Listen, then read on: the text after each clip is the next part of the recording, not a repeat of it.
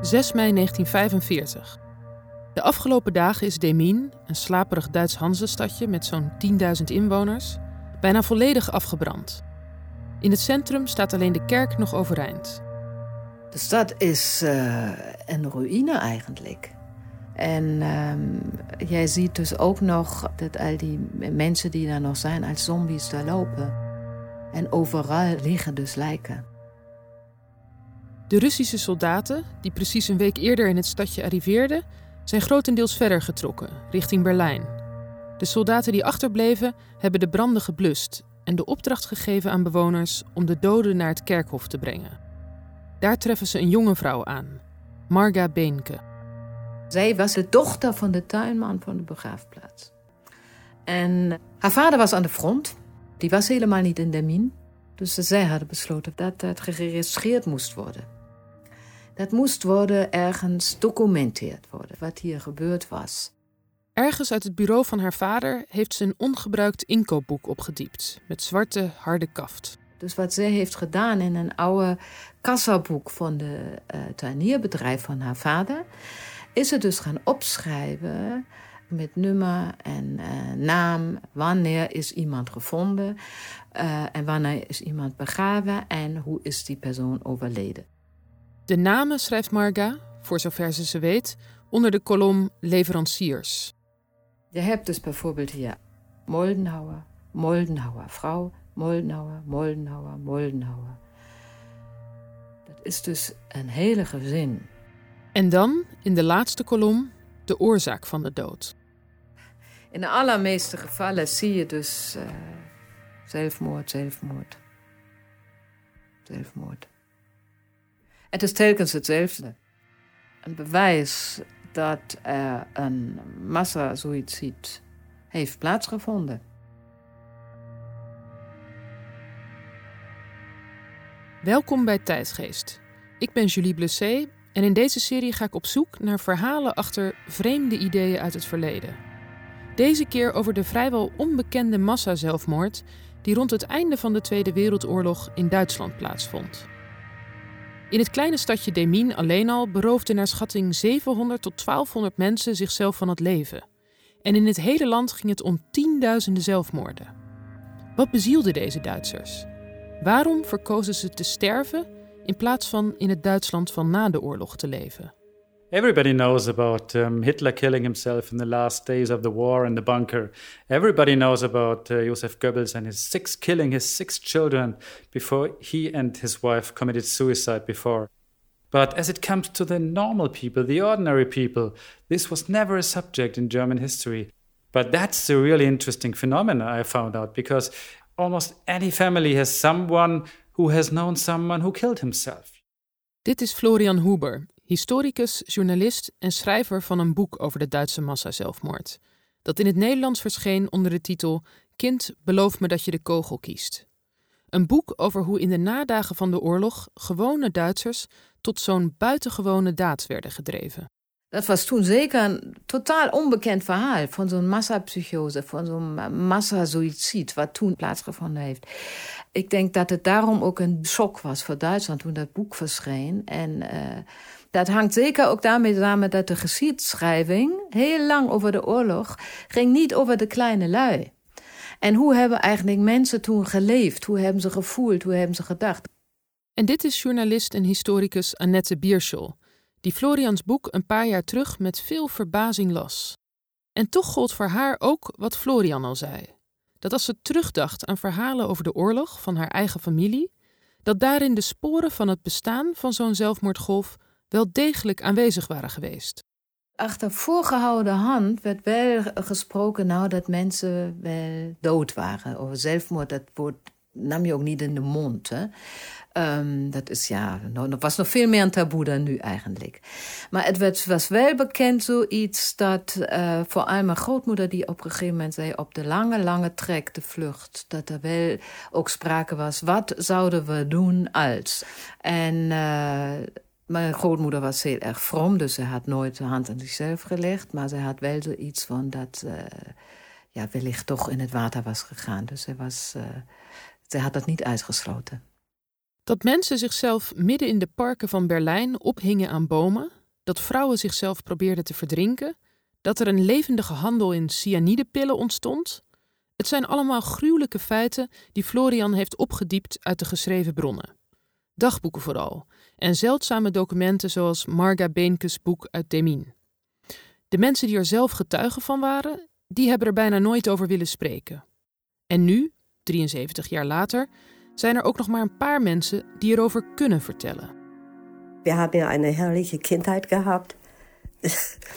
Also schöner kann es nicht sein. Wir haben an für sich vom Krieg kaum was gemerkt hier. Dit is Brigitte Rosso, inmiddels 83 jaar oud. Ik zocht haar op in haar huis aan de rand van Demin, waar ze al haar hele leven woont. Haar ouders hebben het nog voor de oorlog gebouwd. Ze vertelt me dat ze er een heerlijke jeugd heeft gehad. Dat ze met poppen speelde met de kinderen in de buurt. En dat ze nooit bang was geweest als er een alarm klonk en ze in de kelder moest schuilen. In Demin was er de hele oorlog geen bom gevallen. Eigenlijk had ze niks van de oorlog gemerkt, zei ze. Tot 30 april 1945, toen ze tien jaar oud was. Ze laat me haar pols zien. Naja, und ich habe Schwierigkeiten gehabt mit meinen Hand. Da sind die Sehnen durchgeschnitten worden. Es hat keiner gewusst, wie man sich überhaupt die Pulsadern aufschneidet. Die Pulsader darf man nicht so, sondern das hat aber keiner gewusst. Es wollte sich ja auch keiner die Pulsadern aufschneiden. Brigitte masseert haar pols. Ze strekt en buigt haar vingers. En laat me zien dat haar pink en ringvinger moeilijker meebewegen. Ze heeft altijd problemen gehad met haar hand, zo vertelt ze. De zenuwen zijn doorgesneden. Want niemand had geweten hoe je dat moest doen, je polsaderen doorsnijden. Maar ja, niemand had daarvoor ook de polsaderen willen doorsnijden. Die hätten nie die Brücken springen dürfen. Ich, ich weiß es nicht. Aber das, dann wäre das alles nicht passiert. De Duitse soldaten hadden nooit de bruggen moeten opblazen, zegt Brigitte. Dan waren de Russen simpelweg doorgemarcheerd, verder naar Berlijn. En dan was er in Demin niks gebeurd. Aber die konnten ja nicht weiter und dann hat sich hier vieles abgespielt dadurch, nicht? Bilde ich mir wenigstens ein. Moet je voorstellen dat Demin, het is dus einde van de oorlog. En eigenlijk was in Demin vrij idyllisch geweest. En um, niet zo ver van Berlijn vanaf, maar um, ja, toch ver van de front. Dus zij hadden eigenlijk gedacht, wij ontspringen de dans. En dan komen dus eind uh, april de Sovjets, de Rode Armee, op weg naar Berlijn. Vanaf maart 45 vult Demin zich met Duitse soldaten, die zeggen het stadje te zullen verdedigen. Golven vluchtelingen trekken door Demin, voortgestuwd door het naderende Rode Leger. En dan, één dag voor de Russen arriveren, slaan de Weermachtssoldaten plots de aftocht. En voor de bewoners doorhebben wat er gebeurt, blazen ze de bruggen achter zich op. Dus al die mensen in Demin, dat waren niet alleen de burgers, maar dat waren ook duizenden vluchtelingen uit het oosten. Die zaten als ratten in de val, want die konden niet uh, over de rivier heen. In eerste instantie was Brigitte's moeder van plan om zich te verbergen voor de Russen. Ze wilde samen met Brigitte, haar oudere broer en haar jongere zusje ergens tussen het stadje en de rivieren een schuilplek vinden, tot de Russen weer weg zouden zijn. Voor ze uit hun huis vertrokken, verborg haar moeder dan ook hun kostbaarste bezittingen onder de vloer. En Brigitte pakte nog een paar fotoalbums mee. Maar na een nacht te hebben doorgebracht in de velden buiten Demin, waar ze zagen hoe een groot gedeelte van de stad in vlammen opging, besloot Brigitte's moeder verder te trekken. En zo belandden ze bij een boerderij, waar twee boerenmeisjes iets heel anders van plan waren. Und da waren zwei junge Leute, die früher bei der BDM, Leute und Mädchen so, sind ja mit Hitler aufgewachsen da. Und die hatten die, sich vorgenommen, bevor sie sich mit Mosen abgeben, nimmst du dir das Leben. De meisjes hadden bij de Bund Deutscher Mädel gezeten, de nazi-jeugdbeweging. En zij hadden besloten om zichzelf, voordat ze zich moesten overgeven aan de Russen, van kant te maken. First of all, I would say Demin was quite a normal and ordinary German provincial town. It was very much Nazi, but still, that doesn't say that um, was especially different from any other region of Germany who was very quickly became all very brown and Nazi. So it was nothing that kind of gave a predisposition to these people in Demmin to kind of um, finish their life when the war was over. Het waren niet alleen overtuigde nazi's die tot zelfmoord overgingen, zo vertelt Florian. Ook in Demmin niet. Uit Marga Beenkes dodenboek kon je aflezen dat de zelfmoorden, als een epidemie, ieder deel van de bevolking hadden getroffen. This is really a very haunting document because it gives you an idea of um, how it runs through all types of society, all ages, anything you can imagine, you will find there. So, when it comes to the question why these people kill themselves, we must see for quite a few motives. Schuldgevoel en schaamte hadden een belangrijke rol gespeeld over wat de Duitsers hadden aangericht. Maar een van de belangrijkste factoren was angst, zo denkt Florian. Een intense, alles overheersende angst voor het Rode Leger. Right from the beginning, German propaganda did everything to demonize the Soviet people as a whole. They were described like Untermenschen, like inferior people, not even humans. They also had this, this term of Russian murderer gangs. Every Russian was a potential murderer for them. And that's what they tried to put into people's mind. And one must say, they were quite successful with that. Tegen het eind van de oorlog werd de propaganda over de Sovjet-barbaren steeds verder opgevoerd. Alles om de Duitse bevolking er maar van te overtuigen dat ze nooit mochten opgeven, dat ze tot het eind toe moesten blijven vechten. Nu was een deel van de gruwelverhalen over het Rode Leger op waarheid gebaseerd. Zo weten we nu dat er in Duitsland naar schatting 2 miljoen vrouwen door Sovjet-soldaten zijn verkracht. Ook in Demmin vonden verkrachtingen plaats. Maar de nazi-propaganda ging nog veel verder, zoals in het geval van Nemmersdorf. The Nemmersdorf story took place in the end of 1944 when the Russians kind of made an attack onto German soil. That was the first time when the Russians came over the frontier. They were pushed back by the German soldiers and they found a, a village called Nemmersdorf where they had lots of dead people.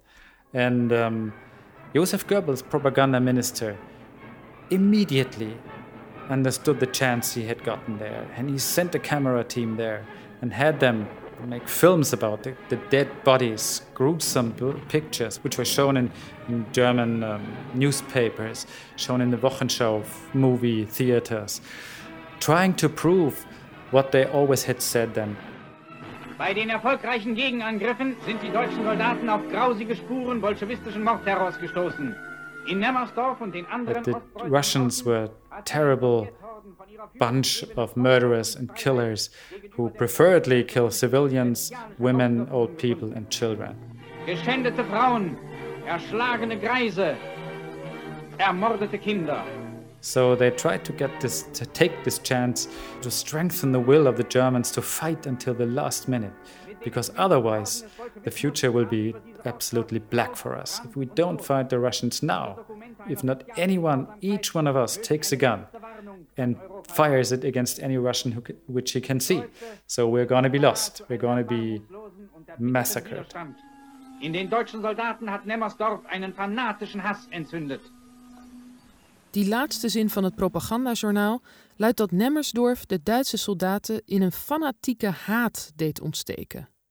Maar in werkelijkheid zetten al deze horrorverhalen niet bepaald aan tot strijdlust.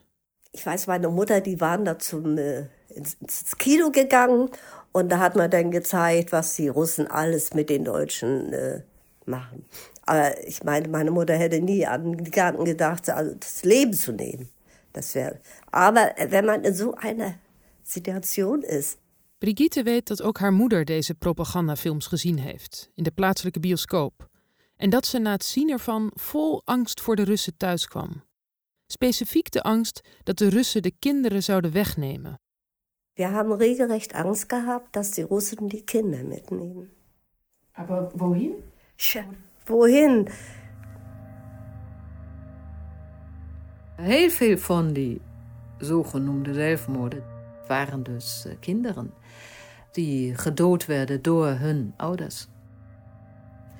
En uh, het is een bizar beeld dat je dus eigenlijk zegt: ja, als ik niet meer leef, dan kun jij natuurlijk ook niet meer leven, want ik ga je beschermen, ik neem je mee. Dat is het. Ik wil, dat is niet uit straf. Dat is niet omdat ik jou iets kwaads wil. Integendeel, ik wil iets goed voor jou. Ik wil je beschermen. over de dood heen. Und da sind wir oben auf dem Heuboden mit draufgekommen. Da haben sie dann die Rasierklingen verteilt. Wir, wir haben ja sowas überhaupt nicht gehabt. En zo kwam het dat Brigitte op een hooizolder belandde, waar de nazi-meisjes scheermesjes uitdeelden. Naja, meine, meine Cousine war auch noch dabei. Die wohnte hier oben. Ja, und dann mein Cousin, der lag schon da, als wenn er tot war. Und mein, mein Bruder hat da gekämpft mit diesen Frauen. Der wollte die Leiter haben, der wollte abhauen. Maar Brigitte's oudere broer verzette zich en hij probeerde bij de ladder te komen. Hij wilde naar beneden. Der war drei Jahre älter, der war 13. Der wollte raus hier, da oben runter. Und die Frauen, die haben ihm dann noch geschnitten. De vrouwen sneden hem met het scheermes. Aber es ist nicht schlimm gewesen, was er hatte. Naja, meine Mutter hat meiner Schwester geschnitten und dann kam sie zu mir und bei mir und ich habe wahrscheinlich nicht stillgehalten. Denn wer will, ich wollte ja noch leben, ich wollte ja nicht sterben. En toen sneed Brigitte's moeder ook de polsen van haar zusje en vervolgens die van Brigitte zelf door. Tja, ich habe gedacht, jetzt ist wohl alles zu Ende. Und ich wollte noch leben. Und mein Bruder wird das auch so gedacht haben. Sonst wäre er nie runtergesprungen. En toen sprong haar broer naar beneden. Und als meine Mutter das dann sah, dass mein Bruder unten war, da hat sie uns meine Schwester genommen und zu mir gesagt, sie komm. Und sehen dann sind wir runtergegangen. En toen haar moeder dat zag, greep ze Brigitte en haar zusje en gingen ze Brigitte's broer via de ladder achterna. Und dann haben sie uns verbunden, En daar hebben zij toen hun polsen verbonden. die Russen. De Russen. There were many Soviet soldiers who kind of um, committed crimes, like in any place in in Germany. Um, we have these stories of uh, women being raped and uh, civilians being killed, but also we must see that the, the Soviet soldiers were the first one to kind of witness this mass suicide, and they were completely shocked, and they tried to help this, many of them to keep them from killing themselves, from killing their children. Der Russe, der kam dann an und dann hat er meine Mutter gesagt, warum sie das gemacht hat. Een Russische soldaat liep op Brigitte's moeder toe en vroeg haar waarom ze haar kinderen het leven had willen benemen. Das konnten sie wohl nicht verstehen. Es ist auf jeden Fall wollte sie erschießen. Hij kon het niet begrijpen en hij wilde haar doodschieten. Hat er immer mit der Pistole vor sie so. Äh. So, und dann kam mein Bruder da, der hat uns dann beide genommen, hat sich in de Mitte hingestellt. Toen kwam haar broer, nam Brigitte en haar zusje, ging tussen de soldaat en zijn moeder instaan Dann hat er gesagt, sie soll ihn erschießen. en zei dat de soldaat hem moest doodschieten. Dann haben sie, guckt er ihm da an, hat er ihm gestreichelt, guter Junge. En toen keek de Rus naar hem, aaide hem over het hoofd en zei dat hij een brave jongen was.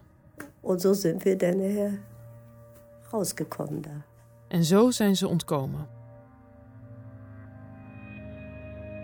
The big question is why is it such an unknown story? Although it happened to so many people all over Germany.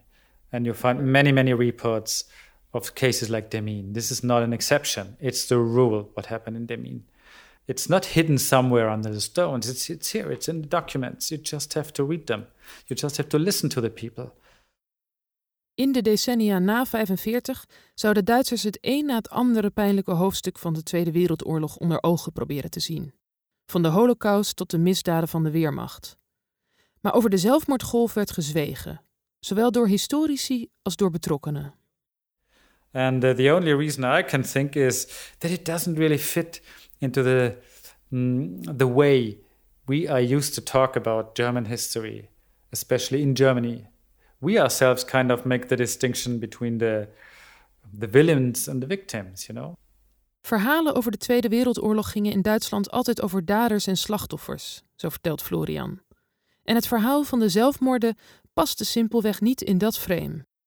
There were neither villains nor victims. There were something in between. There were ordinary people who kind of lived through it. It's just a long list of personal and very intimate tragedies. En Brigitte, die heeft het er later met haar moeder nog maar één keer over gehad. En dan eigenlijk nog alleen over de problemen die ze had met haar polsen. Want wat kon je er verder ook over zeggen? Es war nicht das Thema, was wir da nu. Ja. Also, Sie haben niemals gedacht, Sie sind nicht böse gewesen, oder? Nein, konnte ich ja gar nicht.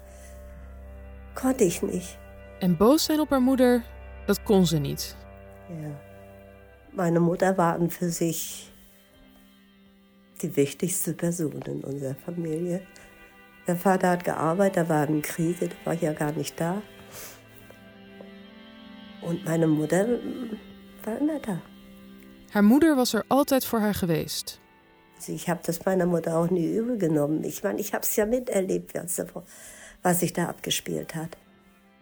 En omdat er nooit over gepraat werd, had Brigitte tot voor kort ook nooit geweten dat in Demien honderden mensen zich van het leven hadden beroofd. Wel wist ze dat zij niet de enige was die zoiets had meegemaakt. Want hoewel er niet over gesproken werd, kon ze zien dat er in Demien mensen waren die dezelfde littekens droegen. Ja, das habe ich. Es sind ja auch viele, äh, die sich die Pulsadern aufgeschnitten haben und äh, die Hände nicht mehr bewegen konnten.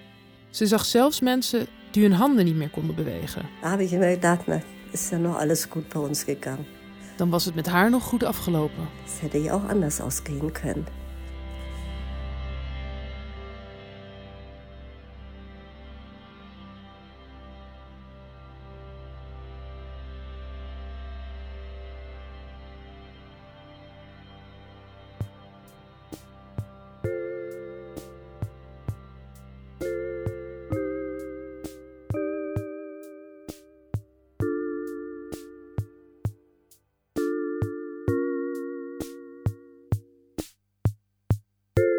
Je hebt geluisterd naar Tijdgeest, een serie van de VPRO en Sola Parola, mogelijk gemaakt door het Mediafonds. Arno Peters hielp mij met de techniek. En de Tijdgeest-tune, die je nu hoort, werd gemaakt door Jara Holdert. En ik ben Julie Blessé. Volgende keer in Tijdgeest gaat het onder andere over dit merkwaardige apparaat. Nou, er staat het merk op. Schwange, dat betekent eh, dubbele duif. Er staat ook een plaatje bij van twee duiven. En daaronder staat Zhongwen Tatsuji. De Chinese typemachine. Tot dan.